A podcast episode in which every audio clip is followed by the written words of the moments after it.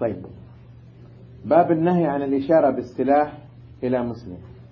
أورد فيه عن ابن سيرين قال سمعت أبا هريرة يقول قال أبو القاسم صلى الله عليه وسلم من أشار إلى أخيه بحديدة فإن الملائكة تلعنه حتى يدعه وإن كان أخاه لأبيه وأمه. وعن همام بن منبه قال هذا ما حدثنا أبو هريرة عن رسول الله صلى الله عليه وسلم فذكر أحاديث منها وقال رسول الله صلى الله عليه وسلم لا يشير أحدكم إلى أخيه بالسلاح فإنه لا يدري أحدكم لعل الشيطان ينزع في يده فيقع في حفرة من النار. أقول هذان حديثان في الإشارة بالحديدة إلى المسلم وفيهما مسائل. المسألة الأولى فيه أن الإشارة إلى أخيك المسلم بالحديدة من الكبائر. ولو على سبيل المزاح. ليش؟ لأن ضابط الكبيرة كل ما توعد فيه بلعن أو بعذاب في النار أو بحد في الدنيا صح ولا لا؟ طب هذا شوف الحديث يقول من أشار إلى أخ... إلى أخيه بحديدة فإن الملائكة تلعنه. معناته الإشارة إلى أخيك المسلم بحديدة من الكبائر. خلاص؟ وضحت هذه؟ في نفس المسألة وفي حكم الحديدة ترويع أخوك المسلم بالسيارة. هذه أقوى من الحديدة تخش عليه بالسيارة تبى تروع. أو بالتبسي شايله حديد يعني إنك تبى تكبه عليه.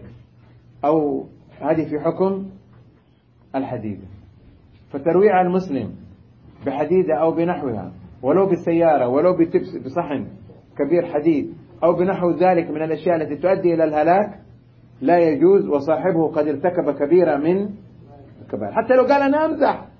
حتى لو قال أنا ما أقصد. حتى لو قال لا لا لا لا. أنت ارتكبت كبيرة من الكبائر. توب إلى الله. ترى الملائكة تلعنك. حتى تدع الحديث. توب إلى الله. أنت ارتكبت كبيرة من الكبائر. قال صلى الله عليه وسلم من أشار إلى أخيه بحديدة فإن الملائكة تلعنه حتى يدعه. فين قال يا أخي ترى هذا أخويا من أمي وأبويا مو ما أقول أنا أبغى بيسوء أقول له ولو. قال الرسول حتى يدعه وإن كان أخاه لأبيه ولأمه وضحت هذه المسألة. وقلنا في حكم الحديدة ترويع أخوك المسلم بسيارتك ترويع أخوك المسلم بأي شيء قاتل بالمسدس بكذا أي شيء قاتل الغلط فيه يؤدي إلى القتل يأخذ حكم الحديدة. يأخذ حكم الحديدة. مسألة. فإن قيل ما الدليل على أن أي شيء قاتل يأخذ حكم الحديدة أقول الرواية الثانية للحديث فإن الرواية الثانية قالت لا يشير أحدكم إلى أخيه بالسلاح فإنه لا يدري أحدكم لعل الشيطان ينزع في يده فيقع في حفرة من النار. فذكر السلاح بدل الحديدة وكذا كل شيء قاتل. أنت تيجي تلف عليه بالسيارة وهو واقف قال تبى تخوف وتمزح معاه. افرض انفلتت السيارة من يدك وانصدم وما إيش استفدنا من مزحك؟ افرض أنا ما أقصد رميته بهذه كده أروع وامزح معاه أفرض جات على رأسه وقتلته. إيش استفدنا؟ أنا امزح معاه هذا أخوي. واضح؟ انتهى. الموضوع منتهي يعني. لا إذا ما هي قاتلة لا ما تأخذ حكم الحديدة. ما إذا كان ما هو قاتل. الترويع على المسلم حرام. ترويع المسلم. نهى رسول الله صلى الله عليه وسلم عن إخافة المسلم وترويعه. لكن ما قال ما هي من الكبائر زي هنا. هنا هذا بخصوص جاء فيه إنه لعن يعني إنه من الكبائر. وترويع المسلم حرام لكن ما نقول إنه من الكبائر. واضح؟ حرام إنك تروع أخوك المسلم. ترى بعض الناس إيش أقول لك؟ مو مزحهم عفش. إيش أقول لك؟ موت مزحهم قال هذا مزح يا راجل أنا أعرف شباب اقربوا لي كان معاهم واحد صاحبهم اسمه جمال. لكن أنا يسألهم كيف حالك؟ كيف حال فلان وفلان؟ كيف حال جمال؟ قال مات.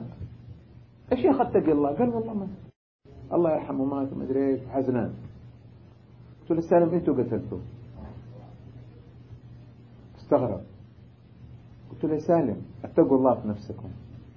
أنتوا كلامكم مع بعض. الله يهدك الله يهلكك الله يصيبك الله. يعني إنه هذا مزح. يعني مزحهم مع بعض كلامهم مع بعض. خذ الله يهدك خذ الله يصيبك خذ الله يبتليك خذ يا أخي اتق الله. أنفجع الأخ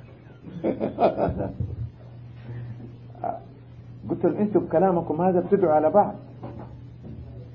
إذا كان الوالد اللي ما يحب الشر لولده الرسول ينهى أن يدعو على ولده في حال غضب لا يستجاب له فما بالكم أنتم مع أصحابكم مع بعض؟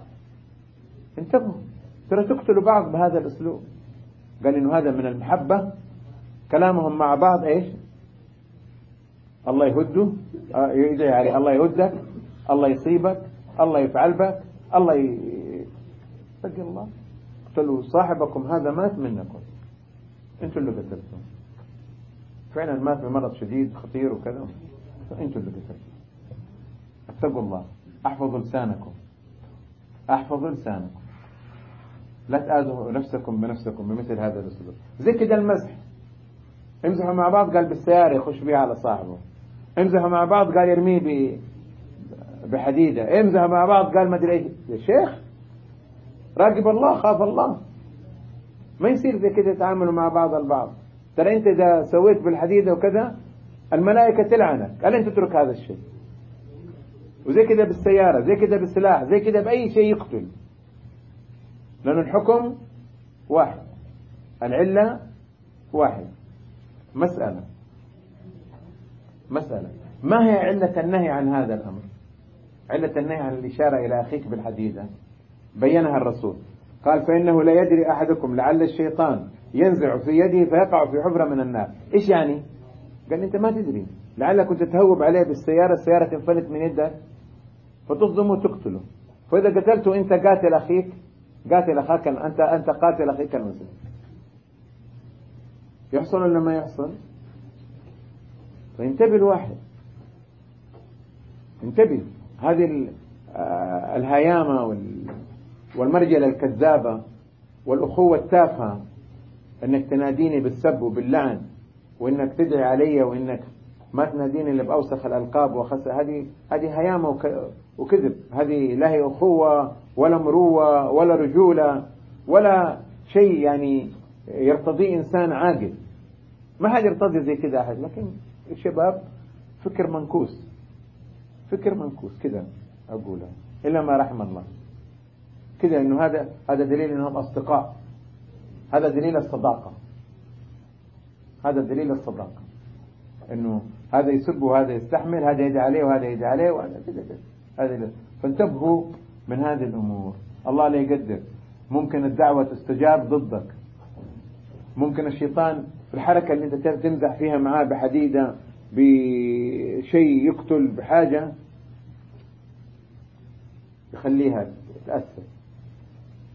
بإذن الله. صح ولا لا؟ ينزع الشيطان يخلي عضلتك تنفك يسوي شغلة زي كده. فإن الشيطان يجري من البني آدم مجرى الدم من العروق. واضح؟ فإذا الإنسان ينبغي أن ينتبه من هذه الأمور. مسألة. فإن الملائكة تلعنهم إيش يعني اللعن؟ هو الطرد والإبعاد عن رحمة الله. طب يا أستاذ الملائكة تلعن. الله يستجيب أو ما يستجيب؟ قل له لا. أي دعوة تدعيها الملائكة فهي مستجابة. من يقول الدليل؟ أي دعوة يدعيها الملك فهي مستجابة. الرسول قال إذا دخل أحدكم المسجد فإن الملائكة تصلي على أحدكم تدعو له رب اغفر له ورب يرحمه حتى يخرج من مصلاه. صح ولا لا؟ هذه الدعوة مستجابة. ما الدليل؟ وهنا قال عنه هذه الدعوة مستجابة. ما الدليل؟ أي دعوة من الملك مستجابة. دليل قول الله تعالى لا يعصون الله ما أمرهم ويفعلون ما يفعلون ما أمرهم معناته هذه الدعوة اللي ادعوها بأمر الله. الله أمرهم أن يدعوا فطب وما دام الله أمرهم أن يدعوا بهذا معناته هذه الدعوة إيه؟ مستجابة. فإذا مكثت في المسجد دعت لك ربي يغفر له ربي يرحمه. وهذه دعوة مستجابة. وإذا هوشت على أخيك أو أشرت إلى أخيك بحديدة أو بشيء قاتل الملائكة تلعنك. وهذه دعوة مستجابة. يعني تطرد وتبعد عن رحمة الله. تدعو عليك بأن تطرد وتبعد عن رحمة الله. هذه قضية ما هي؟ سهلة. أنت تآذي نفسك بنفسك عند الله. ولذلك بادر فورا إلى الاستغفار والتوبة من هذا الأمر ولا تعود عليه. تراها كبيرة من الكبائر أقرأ في كتب العقيدة ضابط الكبيرة. قال ضابط الكبيرة كل ما توعد فيه بلعن أو بعذاب أو بحد في الآخرة. أو بعقوبة في الدنيا. هذا ضابط الكبير. وهذا لا نشوفه إذا أشار أحدكم بحديدته إلى أخيه فإن الملائكة تلعنه حتى يدعى معناته هذا من من الكبائر. لا تستهين بهذه الأمور. لا تستهين بهذه الأمور. مسألة. هذا يفيدكم يا شباب أنه الإسلام يحافظ على حياة المسلم. ما يبغى حتى بالمزاح يكون في طريقة لإراقة الدماء يا سلام عليك ولذلك الرسول مرة أشار إلى الكعبة. قال ما أعظمك؟ ما أطيبك؟ ما أشد حرمتك؟ وإن حرمة المسلم أشد عند الله منك. الله يعظم الدم دم المسلم. خلاص؟ قال ابن عمر رضي الله عنه كل الذنب أجدر أن يلقى المسلم به ربه إلا الدماء المعصومة. إلا فإنها ورطة لا مخرج منه. الدم الدم. شيء ماله وذلك حتى بالمزاح يبغى يوقف أي طريق. قد يؤدي قد قد يؤدي إلى إراقة الدم. منع منه. وهذا يفيد تعظيم حرمة دم المسلم. طيب. مسألة قوله وإن كان أخاه لأبيه وأمه. كيف؟ إيش معنى هذا؟ ها؟ نعم. معنى هذا أنه يستبعد أنه الإنسان يشير لأخيه من أمه وأبيه يريد قتله. يستبعد أن الإنسان بسبب سدة قربه ومحبته لأخيه من أمه وأبيه أنه ينزه معاه بالسيارة ويريد قتله. ومع ذلك الرسول يقول؟ لا تسوي ترى إن سويت الملائكة تلعب واضح؟ وهذا يفيد أن الأخوة للأب والأم أخوة يعني عزيزة جدا على الإنسان. ولذلك يوم القيامة يوم يشوف الإنسان العذاب ها؟ ويشوف الحساب يفزع ويخاف.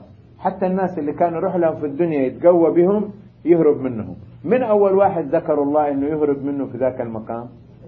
يوم يفر المرء من أخيه. بدأ بالأخ. يوم يفر المرء من أخيه. وأمه وأبيه. وصاحبته وبنيه. لكل امرئ منهم يومئذ شأن يغنيه. يعني في الدنيا إذا جات الواحد مصيبة أول ما يفكر يروح لمين؟ لأخوه. من أمه وأبوه. أنا والله محتاج حصل لي كذا وأمري كذا. تكفى. ولا يستحي من أخوه. ويمون على أخوه. أخوه. يقولوا إذا أحد ضربك ولا شيء وجعك إيش تقول؟ أخ. يعني أخويا. واضح؟ ويوم القيامة يهرب الإنسان من أول إنسان يخطر في باله في الدنيا وذلك بدأ به. يوم يفر المرء من أخيه. بعد الأخ تفكر في مين؟ وأمه وأبيه. بعد الأم ولا بتفكر في مين؟ في الزوجة. وصاحب وبعد الزوجة وصاحبته وبنيه. لكل امرئ منهم يومئذ شأن يغني. لشدة القربة بدأ بالأخ. لشدة المحبة بدأ بالأخ. لشدة أن الإنسان إذا ما وقع في ورطة يتجه إلى الأخ ذكر الأخ. قال وإن كان أخاه لأمه وأبيه. فهمت هذا المعنى؟ طيب. مسألة. الحديث الثاني جابوا كده. قال عن همام بن منبه قال هذا ما حدثنا أبو هريرة عن رسول الله صلى الله عليه وسلم فذكر أحاديث منها. الصيغة كيف شايفينها؟ كده ما هي زي الطبيعة. العادة عن همام بن منبه عن أبي هريرة عن رسول الله. إيش فذكر أحاديث منها؟ أقول ها هذا يا شباب في صحيفة معروفة اسمها صحيفة همام بن منبه عن أبي هريرة. أحاديث يرويها همام بن منبه عن أبي هريرة. مطبوعة. موجودة.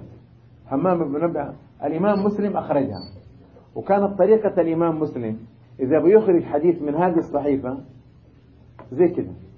يقول عن همام بن منبه عن أبي هريرة فذكر أحاديث منها ويقول قال رسول الله صلى الله عليه وسلم. طب طريقة البخاري إيش يقول؟ طريقة البخاري إذا يبغى يورد حديث عن الصحيفة يورد أول حديث في الصحيفة حتى لو كان ما له علاقة في الباب. ثم يورد الحديث الثاني اللي يبغاه. فيورد أول حديث ثم يورد. يورد أول حديث للإشارة أنه هذا الحديث من صحيفة همام بن منبه عن أبي هريرة. ثم يورد الحديث اللي يبغاه من الصحيفة.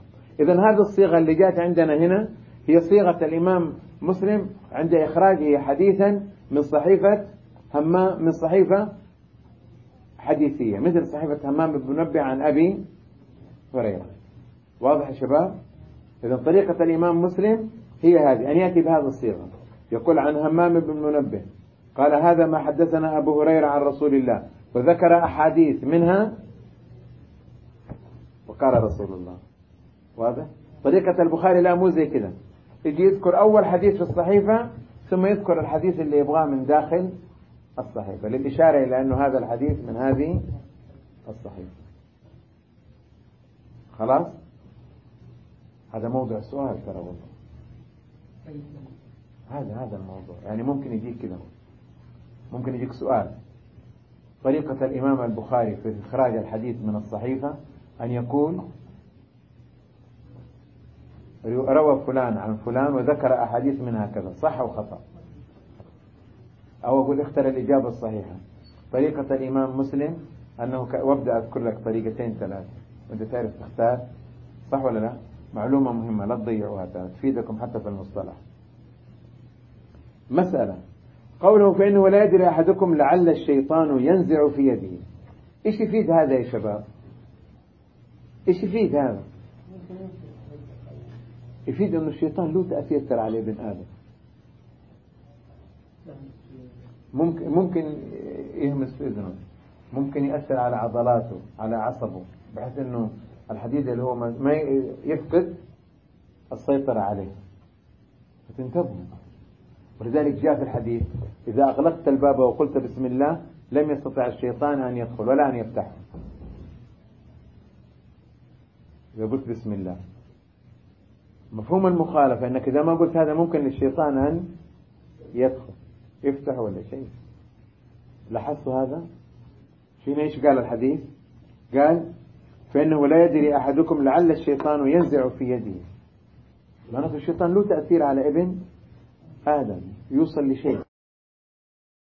يوصل لشيء. واضح؟ ترى الشيطان له تأثير كبير على ابن آدم. الرسول صلى الله عليه وسلم يقول إن للشيطان لما في قلب ابن آدم وللملك لما في قلب ابن آدم. فلمة الشيطان إعاز بالشر ودعوة إليه. ولمة الملك إعاز بالخير ودعوة إليه. هذا السر إنك تحس بصراع داخلي أحيان. أقوم أصلي دحين. لا خليني والله أنام شوية. تعبان لا لا قوم قوم. لا لا لا نام نام استني شوية.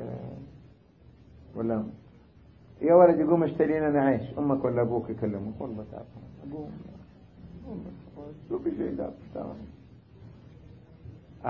سبب المشكلة دي النزاع اللي بيصير فيك هي اللمة الشيطانية واللمة الملكية. دعوتك إلى الخير هذه لمة ملكية. دعوتك للشر هذه لمة شيطانية. هذا غير كمان إذا نفسك أمارة بالسوء هذه كمان قضية ثانية. يصير اثنين مقابل واحد. واضح يا شباب؟ ها؟ فتنتبهوا لهذه القضايا. وذلك الرسول صلى الله عليه وسلم قال إذا نام أحدكم جاء الشيطان وعقد على رأسه ثلاثة عقد. نم فعليك ليل طويل. فإذا قام وذكر الله انحلت عقدة. فإذا قام وتوضأ انحلت عقدتان. فإذا قام وصلى انحلت الثلاثة عقد. وإلا أصبح خبيث النفس غثان ما مر عليكم هذا الحديث؟ حديث ثاني قال إذا أصبح أحدكم فليستنسل ثلاثا. إيش يعني يستنسل كيف؟ يعني يدخل المويه في الخشم ودفها بقوة. قال فإن الشيطان يبيت على خيشوم أحدكم. يا رجل يا رجل إذا دخل أحدكم إلى بيته ها فليسلم وليذكر الله. فإذا دخل وسلم وذكر الله قال الشيطان لأصحابه أخرجوا ترى ما لنا لا عشاء ولا مبيت الليلة. فإذا دخل لم يذكر الله دخل الشيطان وأصحابه قال لنا عشاء ولنا خلاص؟ شوف الآية. إذا أتيت أنت أهلك إيش تقول؟ ها؟ تقول بسم الله اللهم جنبنا الشيطان وجنب الشيطان ما رزقتنا. مفهوم المخالفة؟ إذا ما قلت هذا إيش؟ يشاركك في زوجك. ولذلك انتبه. خليك حريص. خليك حريص في أكلك شربك حتى في الشرب. إذا ما ذكرت الله يشرب معك الشيطان. في الأكل إذا ما ذكرت الله يأكل معك الشيطان. فتنتبه معناته الشيطان له له علاقة فيك له شيء فيك. تحصل نفسك. إذا خلعت ملابسك وسميت الله الله يجعل حجاب بينك وبين الجن ما حد يشوفك. إذا خلعت ملابسك وما سميت الله الجن يشوفوك. القضية ترى وهذول أعداء ما هم؟ أحباب. بينك وبينهم عداوة. فأنت لازم تحصن نفسك بذكر الله. لما يحيى بن زكريا أمره الله بأربع كلمات أن يبلغها لقومه. وتأخر. فجاء له عيسى بن خالته عيسى بن مريم. قالوا الأربع كلمات إما تبلغها لبني إسرائيل أو أنا أبلغها. قالوا لا بعدين الله عز وجل يغضب علي أني ما بلغت. فقام. قال إن الله أمرني أن آمركم بأربع أن تعبدوا الله ولا تشركوا به شيئا. ثم ذكر مثال عبادة الله. فقال مثله كمثل إنسان له عبد يطعمه ويلبسه ويسقيه ثم العبد لا يخدمه ويخدم غيره. قال وآمركم أن تقيموا الصلاة. وذكر مثل الصلاة. ثم قال آمركم بذكر الله. فإن مثل ذكر الله كمثل رجل أراده الأعداء أعداؤه فدخل في حصن حصين فلم يستطيعوا أن يصلوا إليه بشيء. من هنا أخذ العلماء تسمية كتب الأذكار بإيش؟ بالحصن الحصين. من هنا من هذا الحديث. تحصن نفسك. معناته أنت أنت عندك أعداء وطريقتك للتحصين من الأعداء هي إيش؟ ذكر الله. خلاص؟ فهنا لا تشير لأخيك بحديدة لا يجي الشيطان ينزعها من يدك وخليك تقتله.